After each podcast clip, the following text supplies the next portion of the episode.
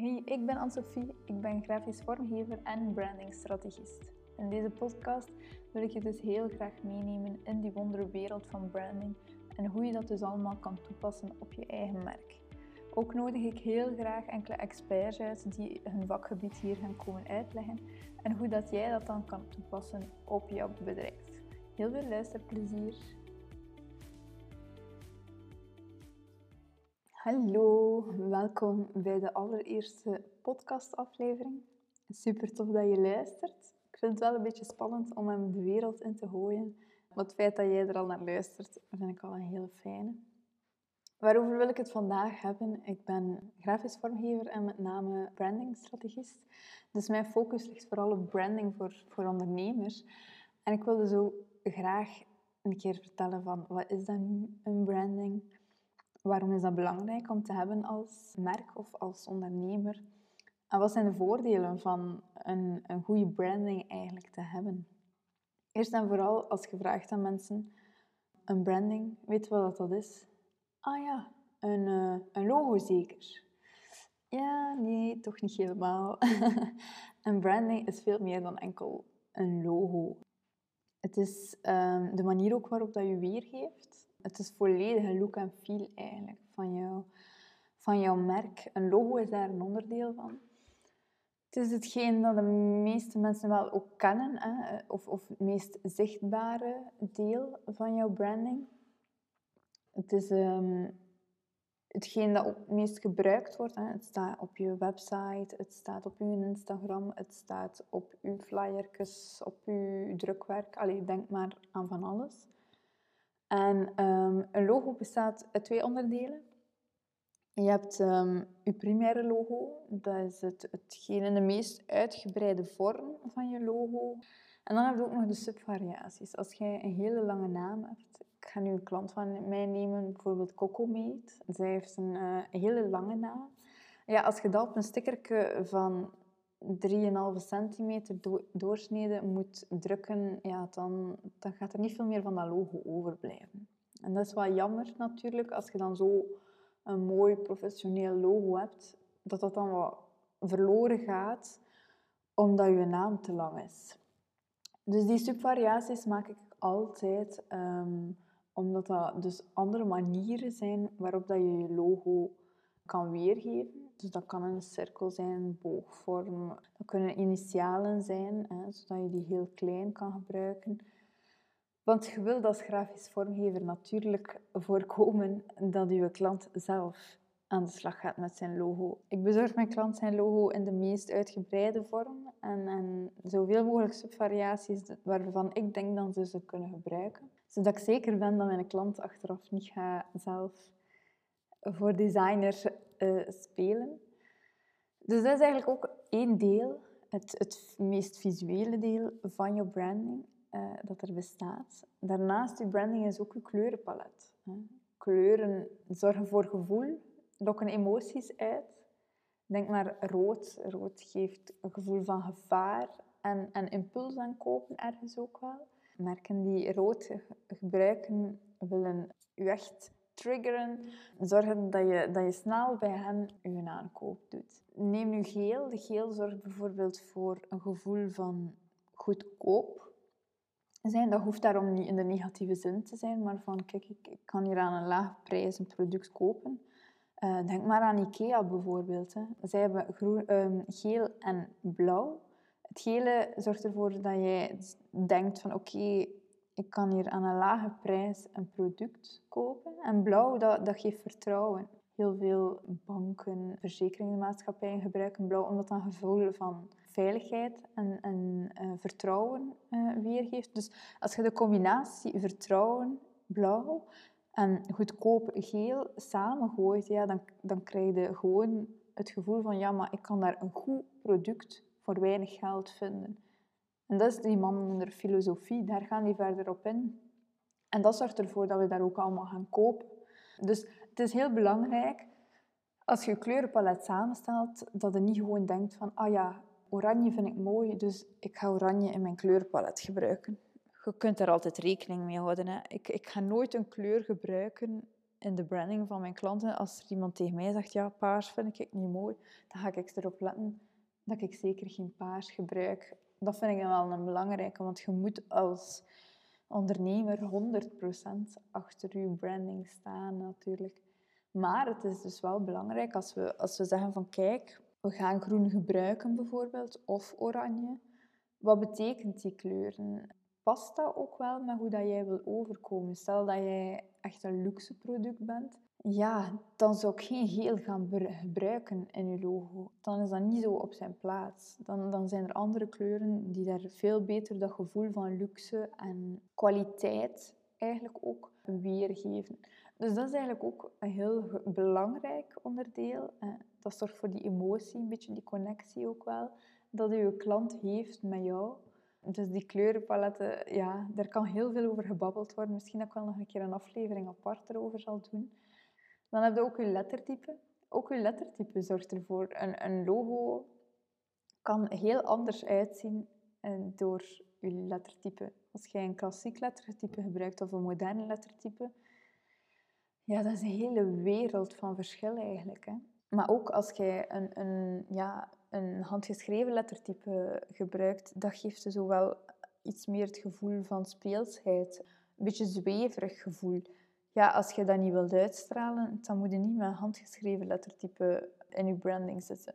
Als je heel professioneel, heel strak, heel clean wilt overkomen, ja, dan moet je met een heel modern uh, lettertype werken in je logo en in de rest van je huisstijl.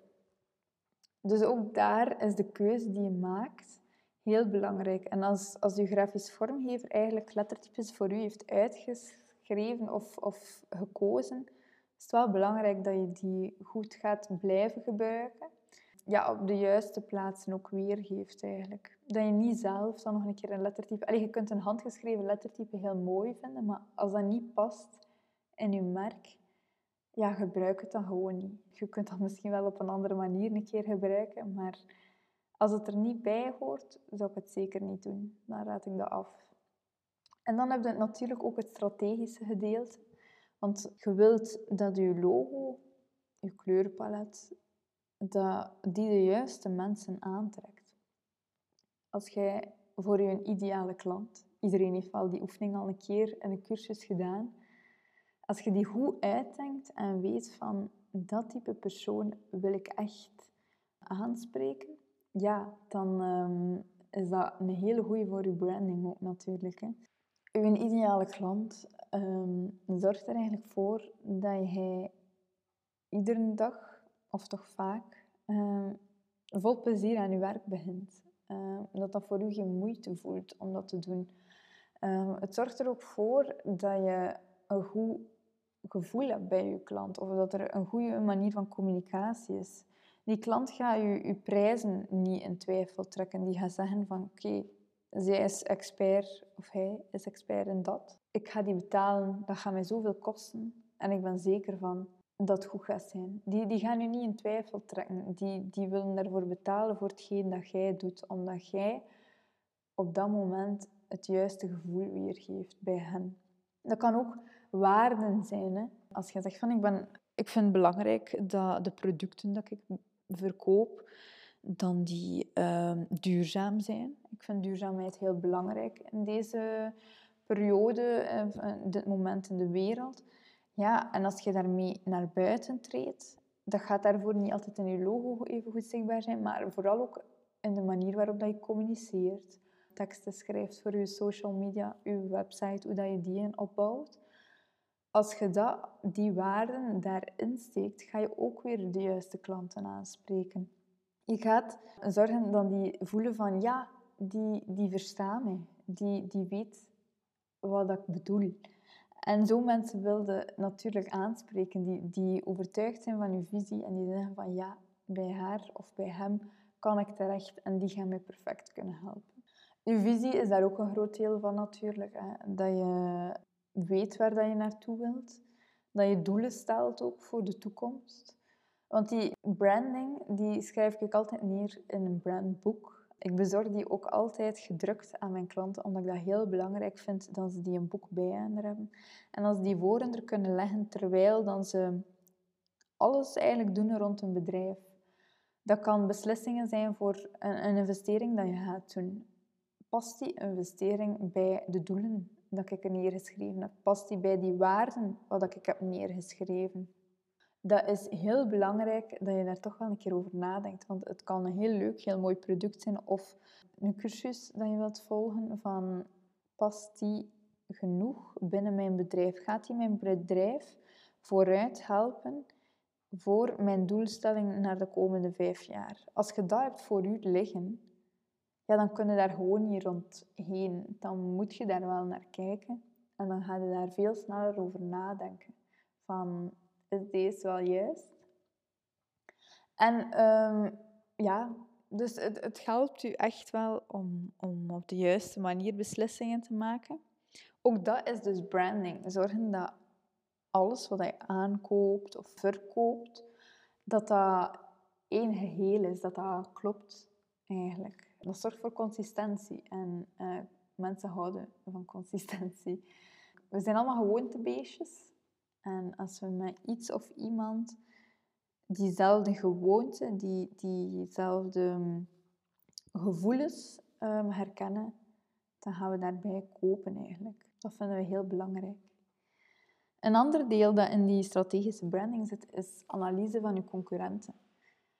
Ik hoor vaak mm, vrouwen vooral uh, zeggen van ja, voor mij dat zijn geen concurrenten, dat zijn collega's. Ja, ik heb daar een goede band mee en uh, ik vind het fijn dat we elkaar kunnen helpen. Ja, tuurlijk, dat is super tof. Hè? Ik heb ook grafisch vormgeefsters waarmee dat ik wel goed overeenkom en dat wij dikwijls een keer sturen van ja, en hoe doe jij dat? En ik doe dat zo. Klopt dat eigenlijk wel? Of ik heb dat voor gehad en jij zo al een keer iets voor gehad. Dat is super tof als je dat kunt doen. Hè? En je moet zeker een leuke community hebben. Maar het is wel belangrijk dat je kijkt naar wat doen mijn concurrenten en wat kan ik daarvan leren. Dingen die zij zowel goed als fout doen eigenlijk. Hè? Als je die een keer analyseert, als je ziet van dingen dat zij fout doen of waarvan dat je hoort van dat zij... Al is het maar een boekingssysteem. Als je ziet van... Oh, mijn concurrenten gebruiken geen boekingssysteem. Je moet daar een, um, een mailtje sturen voor um, bij hen iets te kunnen aankopen of, of een dienst te boeken. Maar ik hoor van veel mensen dat dat een drempel is. Ja, zorg dan dat je zelf wel een boekingssysteem hebt. Zo eigenlijk die dingen uh, kan je eigenlijk wel van hen leren. En je mag daar nog zo goed mee overeenkomen. Hè. Dat is alleen maar leuk als je daar goed mee overeenkomt. Maar het is wel um, goed of belangrijk dat jij wel de, klant, de juiste klant aanspreekt. Want als zij al die juiste klanten hebben en jij hebt niemand, ja, dan mag dat nog zo'n goede collega zijn. Daar heb je niks aan als je je factuur niet kunt betalen op het einde van de maand, natuurlijk. En dus die, die brand, en die brandboek staat dat bij mij allemaal beschreven, zodat mijn klant dat ja, goed kan bekijken. Dat is eigenlijk een beetje een handleiding. Hè? Een handleiding die ze bij hen kunnen leggen. Noem het soms ook de Gouden Bijbel. Ze mogen hem zeker niet te ver wegleggen, dan ze hem altijd bij hem hebben. En uh, het zorgt ervoor dat je ook consistentie kan doortrekken naar je social media, naar je website. Want je wilt eigenlijk wel dat mensen het zien dat het volledige plaatje klopt. Je hoeft daarvoor je website misschien niet als je zegt van ja, budgetgewijs kan ik enkel met maar een branding veroorloven. Ik, um, een nieuwe website, social media, dat lukt mij niet. Dan, als je branding al goed zit, als je een brandboek hebt, dan kunnen die gebruiken voor zelf daarmee aan de slag te gaan. Mijn klanten krijgen altijd een kleurencodes mee. Ze krijgen mee welke lettertypes dan er gebruikt zijn. Het is zo jammer als je een goede branding hebt. Je Instagram ziet er perfect uit. En klanten komen dan op je website en dan die zoiets hebben van oei, ik zit precies verkeerd. Ik ga, ja, ik ga teruggaan. Dat klopt hier precies niet. Dat is zo jammer. Daardoor verlies je zoveel klanten. Ehm, dus als je zorgt dat je website, je Instagram, je drukwerk, dat dat allemaal één mooi geheel is, ja, dan straalde gewoon professionaliteit uit en straalde expertise uit. En dat is toch wel, denk ik, wat je wilt. Daarom investeer je ook echt wel in de branding. Je wilt dat mensen de kwaliteit die jij geeft met je werk, dat willen zij ook zien in je branding. Dat wilde jij ook uitstralen. Dat, ja, ik kan daar niet genoeg op hameren. En ja, dat vind ik wel belangrijk. Het is zo jammer als jij zo goed bent in je job, dat dat niet goed overkomt. Dat dat, dat niet zo een weergeeft.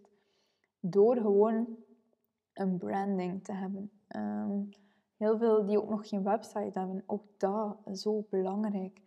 Je Instagram is leuk en tof voor mensen er naartoe te krijgen.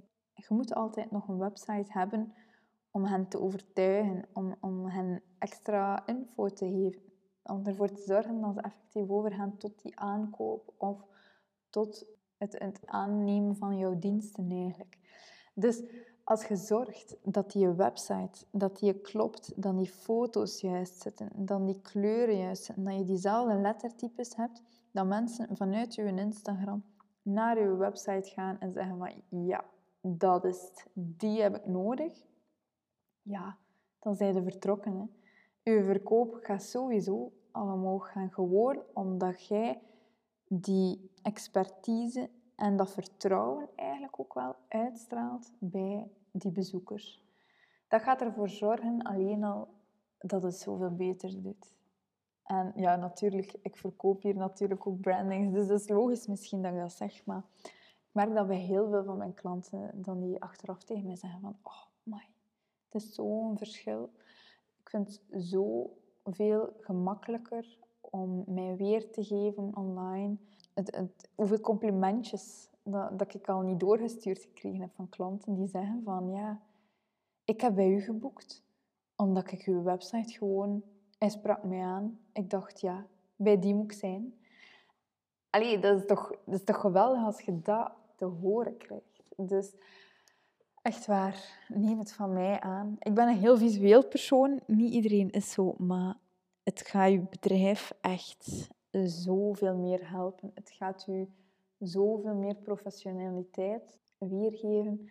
Dus ehm, ja, niet twijfelen. Als je twijfelt over een branding, niet twijfelen. Het gaat, je gaat het er sowieso uithalen. Dat kan ik u zeker al zeggen. Voilà, dat was mijn betoog over branding, onder andere. Uh, ik hoop dat je een beetje beter weet wat dat dan nu inhoudt, een branding. Dat je uh, er een beetje warm van geworden bent om zelf ook aan de slag te gaan met je branding. Als je van het, het past niet meer bij mij, bij mijn bedrijf, zo wil ik me niet meer weergeven, ja, dan is het tijd. Dus stel dat je zegt van oké, okay, Anne-Sophie, uw stijl vind ik de max, ik vind u de max, dan is het de moment om een nieuwe branding uh, bij mij aan te kopen. Boek op tijd jouw plaats, want ze zitten snel vol met plekjes. Ik heb er ook maar een bepaald aantal per maand. Dus um, ga naar de website en um, boek zeker jouw plaats. Deel ook zeker deze podcastaflevering als je het geweldig vond. Hoe meer luisteraars, hoe meer zielen, hoe meer vreugd. Um, dat zou mij heel hard helpen. En uh, hopelijk tot de volgende. Zo, dit was het dan voor vandaag. Super tof dat je bent blijven luisteren tot het einde. Er komen er snel terug meer aan, dus stay tuned. En volg me zeker op Instagram, asbureau. En uh, laat me zeker ook weten wat je ervan vond. Dag!